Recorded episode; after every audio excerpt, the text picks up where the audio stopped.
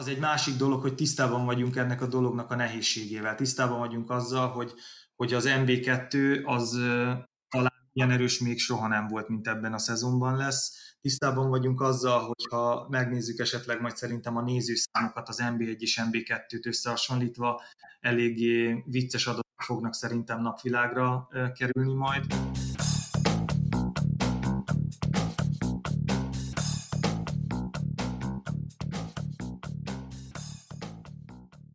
Sziasztok, ez itt az Itzer a 24.hu focis podcastja. Én Kele János vagyok, ezúttal is itt van velem az éteren keresztül Kánokik és Attila 24.hu főmunkatársa. Szervusz!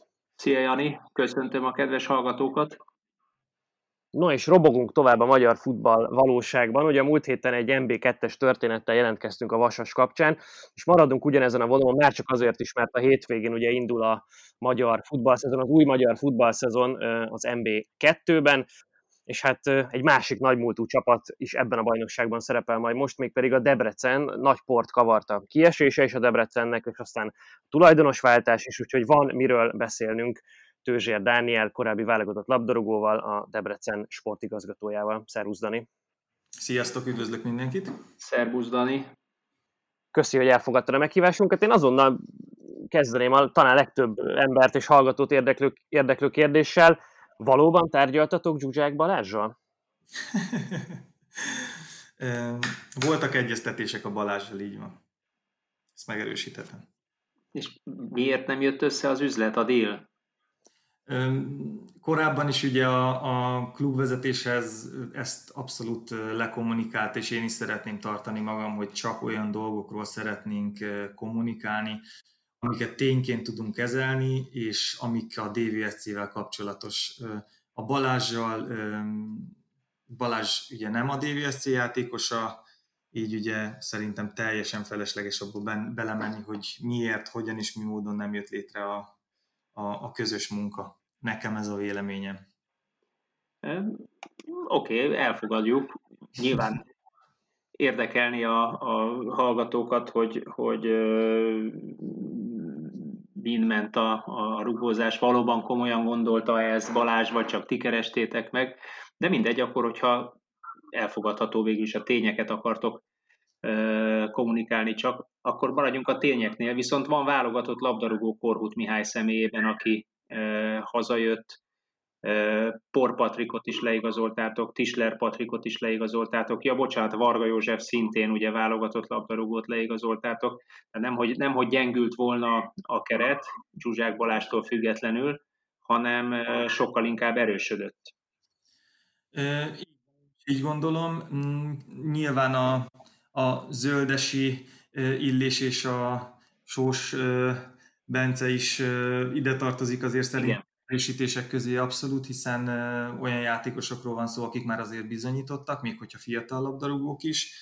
Mm, egyértelmű szerintem azt talán már az indulás előtt lehet, hogy ki lehet jelenteni minden túlzást félretéve, hogy talán ez a keret erősebbnek mondható a tavalyival. Én úgy gond, a tavalyival szemben úgy gondolom, hogy ezt az sem áll messze a valóságtól és a realitástól, hogyha kijelentjük esetleg, hogy ez egy MB1-es keret, mert tisztában vagyunk ugye az elvárásokkal a Debrecennel kapcsolatban, tudjuk, hogy mi a célunk ugye a szezon végeztével, hogy milyen pozícióban kell, hogy álljunk, úgyhogy, úgyhogy itt nincsen mellébeszélés, a Debrecennel kapcsolatban ki kell jelenteni, hogy igen, igen nagyon, nagyok az elvárások.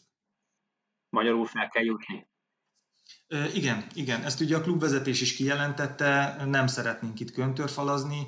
Az egy másik dolog, hogy tisztában vagyunk ennek a dolognak a nehézségével. Tisztában vagyunk azzal, hogy, hogy az MB2 az talán ilyen erős még soha nem volt, mint ebben a szezonban lesz. Tisztában vagyunk azzal, hogyha megnézzük esetleg majd szerintem a nézőszámokat az MB1 és MB2-t összehasonlítva, eléggé vicces adatok fognak szerintem napvilágra kerülni majd a szezon végeztével, de mi ezzel nem szeretnénk foglalkozni. Azzal is tisztában vagyunk, hogy talán az MB2-ben mindenki a Debrecen, akar, Debrecen ellen akar majd nyerni, és az lesz a szezon mérkőzése. Ezekkel sem akarunk foglalkozni. Nyilván van rengeteg nehezítő körülmény azért a klub és a csapat házatáján, amit azért nyilván el kell mondani, hogy ugye az idő rövidsége, a, a kiesés okozta sok, a, a csapatnak, a, a, az új keretnek ugye a kialakítása azért még most sem teljes, és igazából az első érkezők is egy, egy-két héttel ezelőtt érkeztek, szóval nagyon rövid idő állt a, a szakmai stábnak, meg a srácoknak ugye a, a beilleszkedésre is, hogy megszokják egymást, de ezzel mindenki tisztában van. Én, én nagyon jó mentalitást látok jelenleg a srácoknál, hogy tényleg mindenki ezerrel belevetette a, magát a munkába, és, és, és felfogták, hogy, hogy itt csak egy cél lebeghet a szemek előtt. Nyilván voltak olyan játékosok is, akik szerettek volna távozni, vannak a fejekben azért még most is néhány játékos esetében kérdőjelek. Nyilván ezek is természetes dolgok. Én úgy gondolom, hogy az én dolgom az az volt, hogy a lehető legjobban összetartani a keretet, és a lehető legjobban megerősíteni azt szinte minden pozícióban. Ezzel még én mind a mai napig nem végeztem, még mindig vannak gondolataim ezzel kapcsolatban, de, de én úgy gondolom, hogy a, a DVSC elindult a jó irányba. Igen, ez lett volna az én kérdésem, hogy mennyiben végleges ez a keret, mert azt mondod, és ebben valószínűleg van némi igazság, hogy talán még erősebb is ez az idei keret, mint a tavalyi debreceni keret.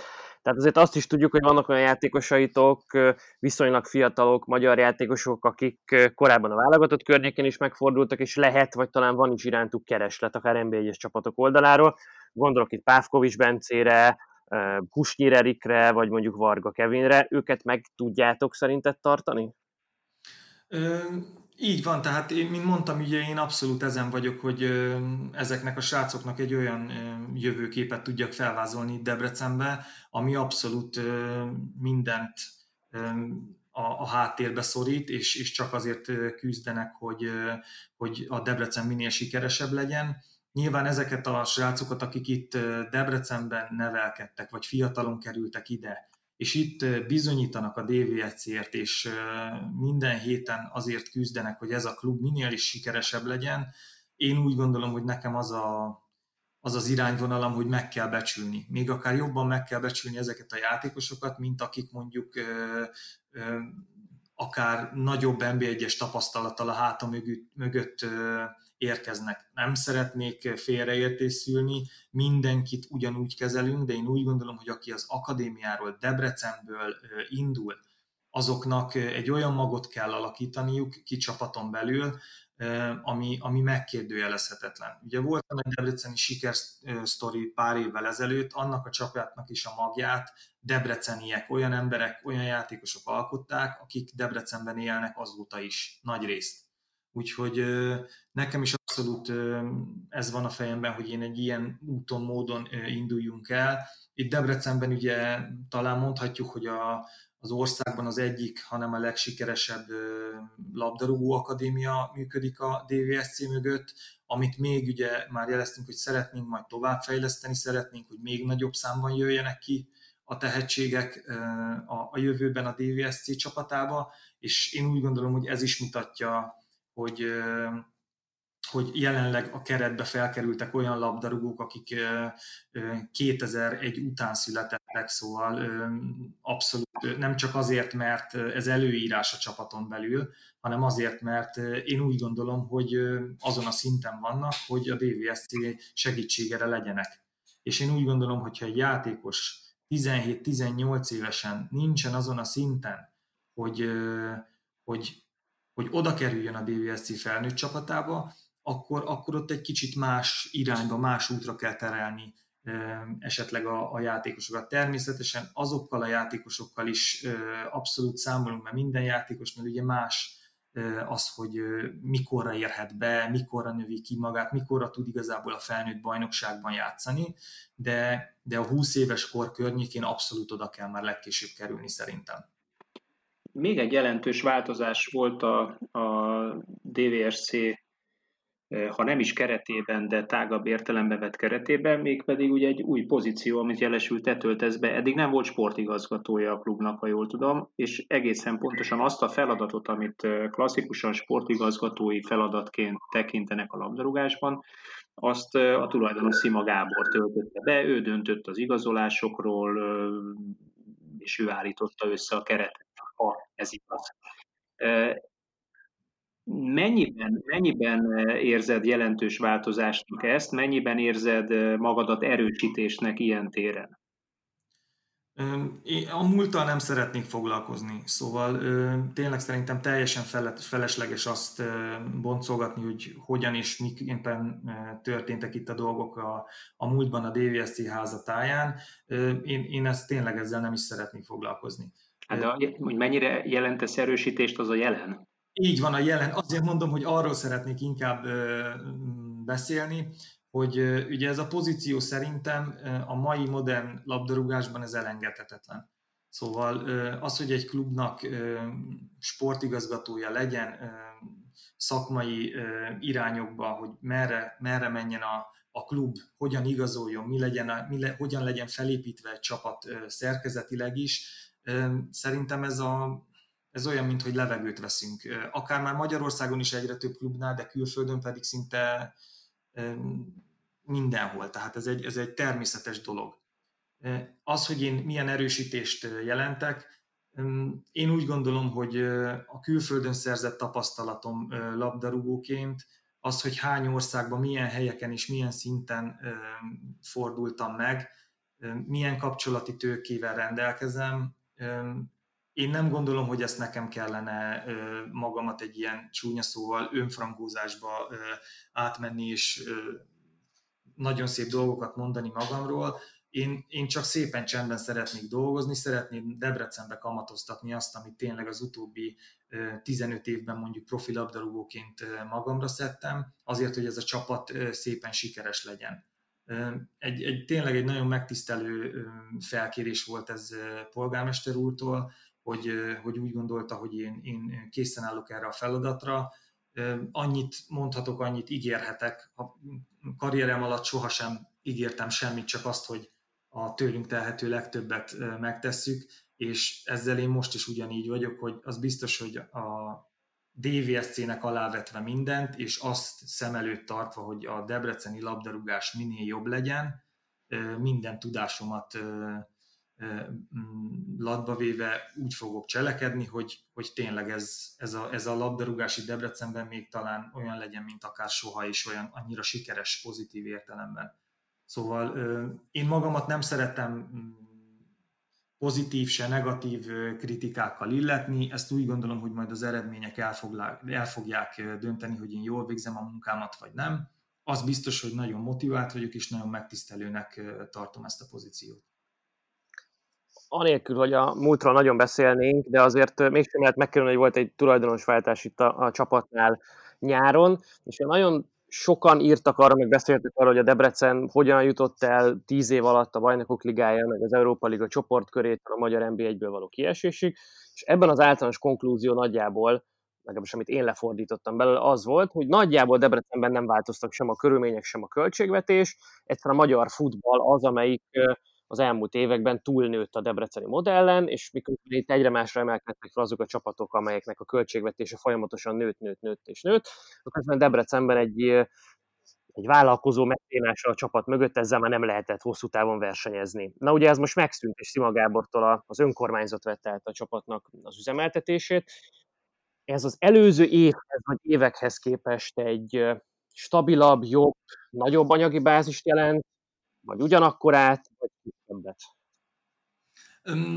Ez a kérdés is olyan, amit úgy gondolom, hogy vagy elnök úrnak, vagy a, a, a, a tulajdonosnak kellene igazából feltenni, mert ez, ez nem gondolom, hogy ez sportszakmai dolog lenne. Az biztos, hogy a kérdésnek az első részét azt nagyon-nagyon jól megfogalmaztad és össze, össze, összegezted, hogy Magyarországon az összes klub annyira megerősödött, és annyira mm, kiegyenlített igazából az NB1-ben a mezőny, meg lassan az NB2-ben is, hogy, hogy aki nem veszi fel ezt a fordulatszámot, az előbb-utóbb az lemorzsolódik. Szóval ezt, ezt abszolút tudom én is megerősíteni, ez így van.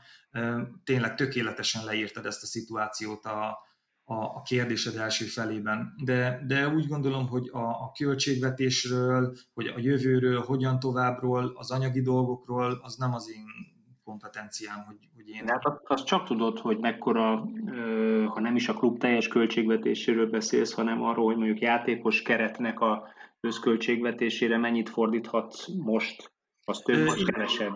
Így van, így van, ez, ezzel tisztában vagyok. Azt ugye a... Maradt. A, Mert ha MB2-ben maradt az MB1-es játékos bérköltségvetés, azért az mondjuk egy masszív bérköltség.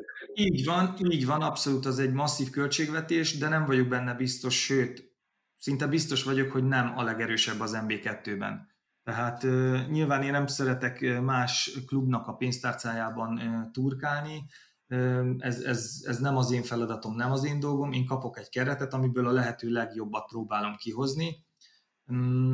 Az, hogy, hogy esetleg ez NB1-es szinten mondjuk ez milyen szintet képvisel, és hogy a jövőben hogyan lesz ez a továbbiakban a, a klubnak a, a, az anyagi háttere megoldva, és milyen keretből tudunk gazdálkodni, az, az, az tényleg az nem az én repertoárom, azt, azt, azt, azt nem én fogom eldönteni, és, és ebből úgy gondolom, hogy tényleg nem én vagyok a megfelelő személy, hogy erről beszéljek. Magyarul annyit költesz, amennyi van, viszont ugye azt mondtad, hogy sportigazgatóként jelentős kapcsolatrendszerrel, nemzetközi kapcsolatrendszerrel bírsz, ami érthető ugye a pályafutásod okán. És a költségvetésnek, egy normális futball költségvetésnek egy alapvetően exportra ítélő országban, mint amilyen Magyarország is, jelentős bázist adhat a játékos adásvétele, játékos értékesítés. Egyébként régebben is élen járt ebben a DVRC-ben. Mennyire kifejezett cél az, hogy az akadémiáról kívül játékosokat egy-két-három év fölfuttatás, MB1-es, MB2-es fölfuttatás után külföldre értékesítsétek? Vagy országon belül? Én úgy gondolom, én úgy gondolom hogy tökéletesen meg is fogalmaztad a, a kérdéseddel a válaszomat.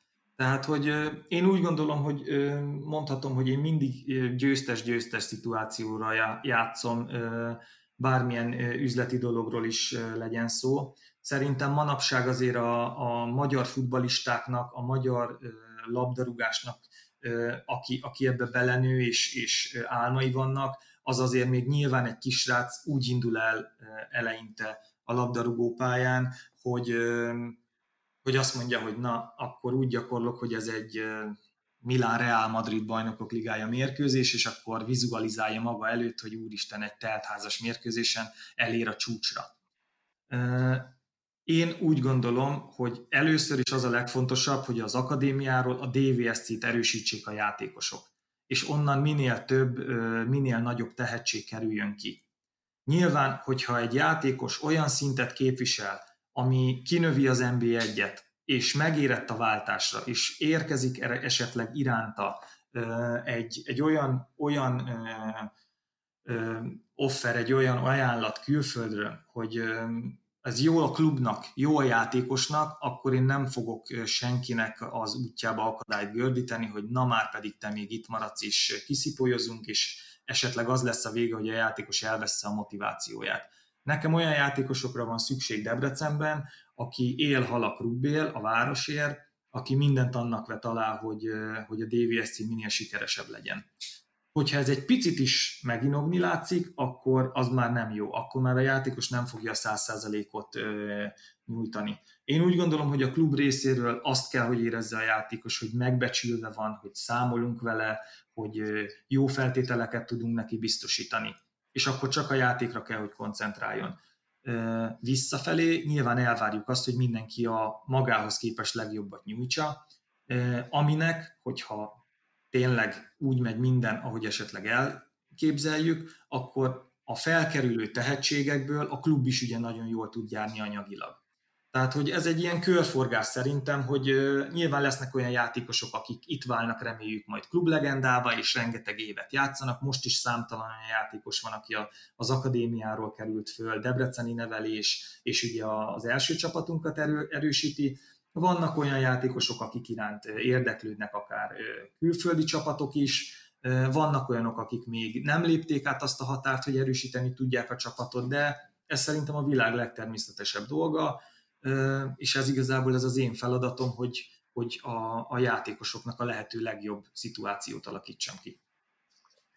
Az előző két szezonról, hogyha beszélünk egy picit, ott azért nagyon ambivalens volt az a mutatott játék is, amit a Debrecentől láttunk. Ugye Erceg Andrással inkább egy második szándékból focizó csapat volt a Debrecen, miközben a, a tavalyi évadban már vele is, aztán a, a későbbi edzőkkel meg pláne próbált domináns a futballt játszani a Debrecen, ami aztán csak helyjel közel sikerült neki, végeredmény meg, meg ugye a kiesés miatt, tehát biztosan nem lehet sikeresnek ítélni ezt a kísérletet. Voltak olyan hangok, vagy legalábbis én hallottam Debrecen olyan hangokat, hogy ez egy tulajdonosi elvárás volt, hogy a játék képe az legyen offenzívebb, meg dominánsabb, miközben lehet, hogy a kerethez egyébként nem ez illett volna jobban.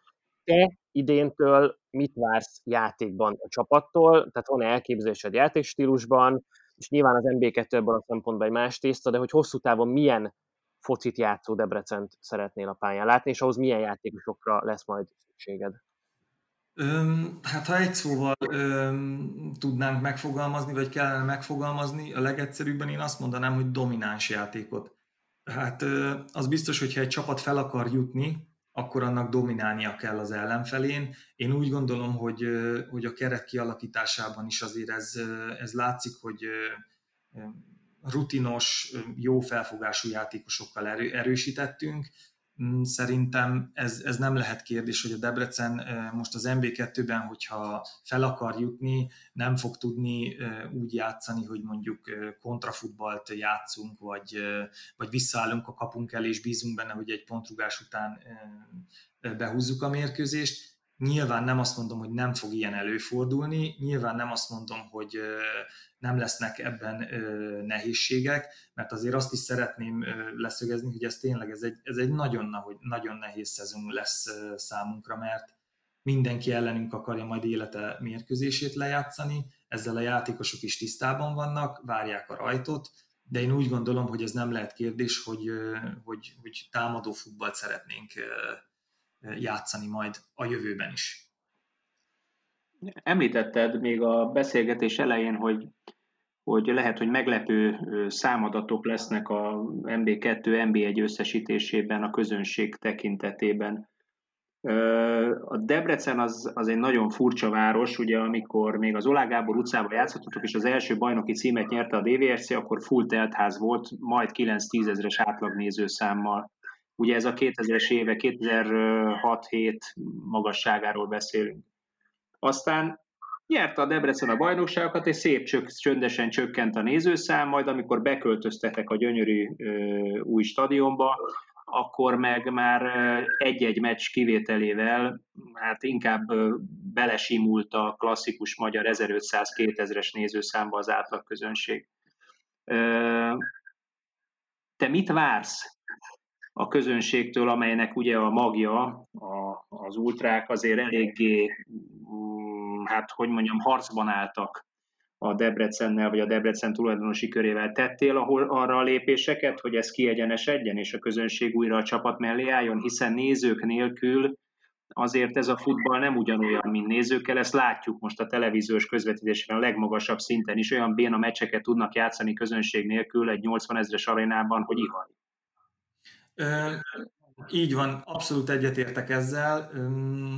A közönség nélkül a futball az egy, az egy más sport. Tehát nekem tényleg szerencsém volt karrierem alatt átélni a, a fényes oldalát ugye a szurkolók tekintetében a labdarúgásnak, hiszen, hiszen szinte minden csapatomban azért általában ilyen teltházas meccseket tudtunk játszani.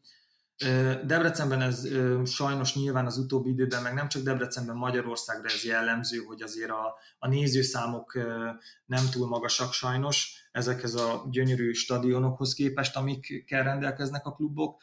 Mm, de azért azt szeretném leszögezni, hogy Debrecenben, ha jól tudom, azért az NB1-ben tavaly a második legnagyobb átlagnéző szám volt, második vagy harmadik, nem akarok butaságot mondani, de, de biztos, hogy ott voltunk a második, harmadik helyen ilyen tekintetben. Abszolút felvettük a kapcsolatot az ultráinkkal, Nyilván én a múlttal nem szeretnék foglalkozni, azt, azt megint szeretném leszögezni, de az egész klubvezetésnek ez egy veszőparipája, hogy szeretnénk kicsalogatni a szurkolóinkat, szeretnénk az embereknek örömet okozni, hogy jól érezzék magunkat, magukat itt kin a stadionban. Ez nyilván nem feltétlenül azt jelenti, hogy ők akkor érzik magukat jó, hogyha a csapat mindig minden egyes hazai mérkőzést nyer, és hogyha esetleg becsúszik egy vereség, akkor hú, ők már mennyire csalódtak és rosszul, rossz ízzel mennek haza. Nyilván a szurkoló, én úgy gondolom, hogy a nehéz pillanatokban tud igazán segíteni a csapaton, és a nehéz pillanatokban van, van igazán nagy jelentősége annak, hogy a csapat mellé álljanak.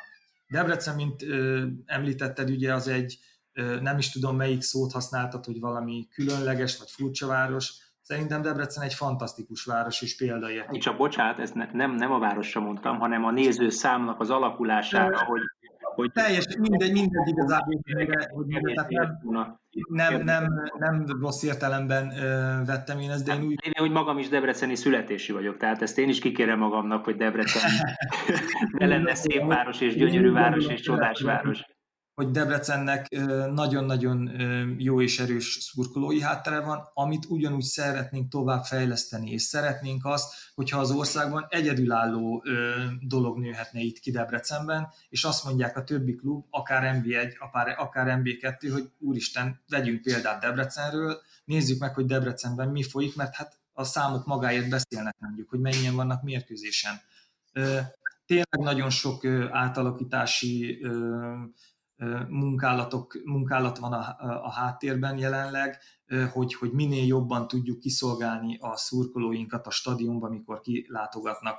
Ez nyilván ez megint nem sportigazgatói hatáskörbe tartozó dolog szerintem, erről is nyilván elnök úr vagy a, a, a tulajdonos jobban tudna kommunikálni szerintem, nem, nem az én kompetenciám, de, de azt meg tudom erősíteni, hogy nekem is személy szerint nagyon fontos az, és nekem is álmom az, hogy itt Debrecenbe 10-15-20 ezer ember legyen akár majd mérkőzéseken. Játékosként hál' Istennek volt alkalmam egyszer-kétszer átérni azért Debrecenben, hogy ugye nemzetközi kupa meccsen, de akár a kiesés ellen küzdő csapathoz is majdnem tízezren kijöttek ugye az utolsó fordulóban.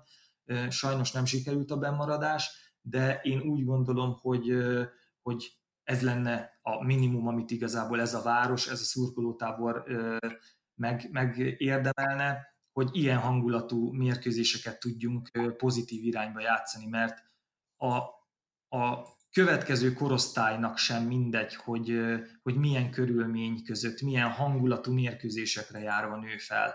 Én szeretném azt, hogy a Debrecenben futballozni presztízs értékű legyen országszerte, egész Magyarországon, és hogy a, a kis fiatal srácok idővel majd ugye azt kezdjék el mondani, hogy na ez egy Debrecen, Ferencváros rangadó mondjuk az NB1-ben, és én itt fogom ezt eldönteni a DVSC javára, egy ilyen olyan gollal esetleg. Szóval akarunk egy óriási brandet, egy óriási brandet még egyszer ismétlen magam kialakítani itt a DVSC-vel kapcsolatban, ami hosszú távon ö, megtisztelő lesz a játékosoknak, hogy, hogy a DVSC mezét magukra ölthessék, és hogy a szurkolók, hogy a DVSC családhoz tartozzanak. Úgyhogy abszolút ez a cél. Közben megnéztem egyébként, harmadik helyen végzett a Debrecen a néző átlagban 3900 pár nézős átlaggal hazai mérkőzéseken ami egyébként tényleg nem rossz, sőt, még növekedett is. Nyilván köszönhető ez, ez mondjuk az utolsó fordulónak, Ferencváros Újpest meccseknek. Többel, szerinted több lesz az MB2-ben? Több néző lesz átlagban hazai meccseken? Nagyon-nagyon bízom benne. Én úgy gondolom, hogy, hogy tényleg példaértékű az összefogás jelenleg, amit Debrecenben érez az ember. Nyilván nagy nyomás van a srácokon is, mert hát azért, azért érezhető, hogy, hogy nyilván a, a magyar szurkolók úgy vannak vele szerintem, hogy jó, először azért teljesítsenek a, a srácok, és akkor utána esetleg ö, kimegyünk, de mi ezen is dolgozunk, hogy ugye olyan programokat, ö, olyan, olyan meccsnapot tudjunk biztosítani a szurkolóknak, ami már önmagában nagyon csalogató tud lenni, Nyilván azért az is látszik, hogy a közösségi médiában elindult felfelé az érdeklődés a csapat irányába. Közel 70 ezer követőnk van már ugye a DVSC kapcsán, úgyhogy én azt gondolom, hogy tényleg egy pozitív dolog van, volt itt elindulóban. Az edzőmérkőzéseinken közel 2000 ember volt kint, ugye akár szerda délelőtt, szombat délután, ugye, és most még csak edzőmérkőzésekről van szó, a bérletárusítások folynak ezerrel, nyilván tudjuk, hogy itt majd a következő hó elejére várható egy, egy nagy dömping, ugye, mert az emberek úgy kapják meg a, a juttatásaikat a munkahelyekről, szóval én úgy gondolom tényleg, hogy összességében abszolút le a, le a kalappal. Eddig egyébként több mint 2000 bérletünk már elkelt, úgyhogy, úgyhogy ezek igazából tények, amik, amik nagyon jó irányt mutatnak. Szóval én nagyon bízom abba, hogy, hogy a, a debreceni futballszimpatizánsok azok egy nagyon boldog időszaknak a kezdetén járnak egy témát szerintem mindenképp érintsünk még, vagy legalábbis engem nagyon érdekel, hogy te sportigazgatóként mennyire folysz, folyhatsz, látsz bele az akadémián folyó munkába. Megmondom őszintén, hogy nekem az egyik legnagyobb nehézséget az idő rövidsége okozta jelen pillanatban. Szóval igazából a srácoknak az új szezon elkezdetéig, elkezdéséig két hetük sem volt. A, a, ugye ezerrel folytak a munkát, és tényleg nem szeretném ezt kifelé kommunikálni, de tényleg itt mindenki az irodában egy nap alá téve dolgozott, és sokszor tényleg reggeltől nagyon késő estig itt voltunk, és azon, azon dolgoztunk, hogy mi hamarabb átvergődjünk ezen a nehéz időszakon. Azért szerintem egy, egy, egy akinek, aki céget, aki volt már benne ilyen dolgokban, az tudja, hogy azért egy, egy tulajdonosváltás, egy, egy, egy céget átvilágítani és új vezetéssel elindulni egy új irányvonalba, hát az azért nem, nem egy hónapot vesz igénybe. Egy kisebb cégnél sem, nem, hogy egy ilyen volumenű, ilyen kaliberű dolognál.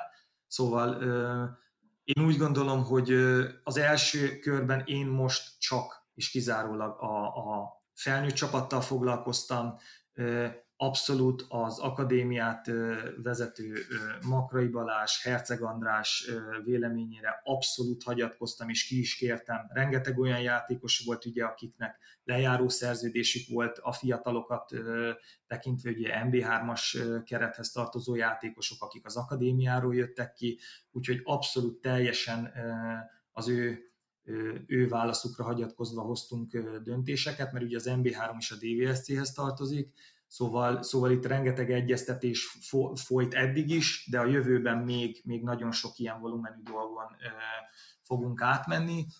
Aztán nyilván majd, ahogy az idő engedi, majd ugye az akadémiával is fogunk folyamatosan kommunikálni és egyeztetni, hogy hogyan és miként tudnánk még sikeresebbé tenni. Úgyhogy, úgyhogy természetes ez is egy olyan dolog, hogy én úgy gondolom, hogy mindenki, aki a debreceni labdarúgásban dolgozik, annak a az egyéni érdekeket abszolút háttérbe kell szorítani, és mindenki csak azért dolgozhat, hogy a debreceni futball minél jobb és erősebb legyen. Aki nem, nem ilyen irányba tart, az, az szerintem mm, rossz irányba halad. Szóval az biztos, hogy, hogy csapatszinten is, edzői szinten is, vezetői szinten is ezt, ezt meg lehet fogalmazni, hogy ez egy elvárás az új klubvezetésnél, de úgy gondolom, hogy ez a, ez a világ legtermészetesebb dolga. Kérdeznék egy kicsikét Tőzsér Dánieltől, magától, mint, mint magánembertől. Pillanatok alatt és könnyedén elengedted ezt a futballcipőt? Még nem volt időm arra, megmondom őszintén, hogy, hogy hiányozzon a foci. Tehát ez az igazság. Nem volt még arra időm, hogy, hogy leüljek, elgondolkozzak, és akkor, hogy fú, mennyi is volt ez az egész szabadságra sem volt még idő elmenni. Pihenni volt egy, egy, egy nagyon rövid kétnapos szünetem igazából, amikor egy születésnapra, a sógorom születésnapjára voltam hivatalos, és, és azt megünnepeltük, de, de nem volt még időm kifújni magam a karrierem után, és átgondolni ezt az egészet. Hazudnék, hogyha azt mondanám, hogy, hogy nem készültem volna rá, mert én azt már eldöntöttem ugye korábban is, hogy, hogy nem fogom meghosszabbítani a szerződésemet, és hogy ennyi volt. Ezt már ugye azért én korábban be is jelentettem, semmi köze nem volt hozzá a kiesésnek, sőt, rettenetesen sajnáltam, hogy ez lett a vége, hiszen először is ugye a DVSC-t tekintve azért ez, ez egy nagyon fájó pont volt, meg hát ugye azért az én karrierem végére is, még akkor is, ha nekem, nekem egy ilyen csorba szezonon volt, mert ugye műtötték a lábamat, és azért elég sokat kihagytam vele, de, de akkor is oda került a végére, hogy sajnos búcsúztunk az NB1-től.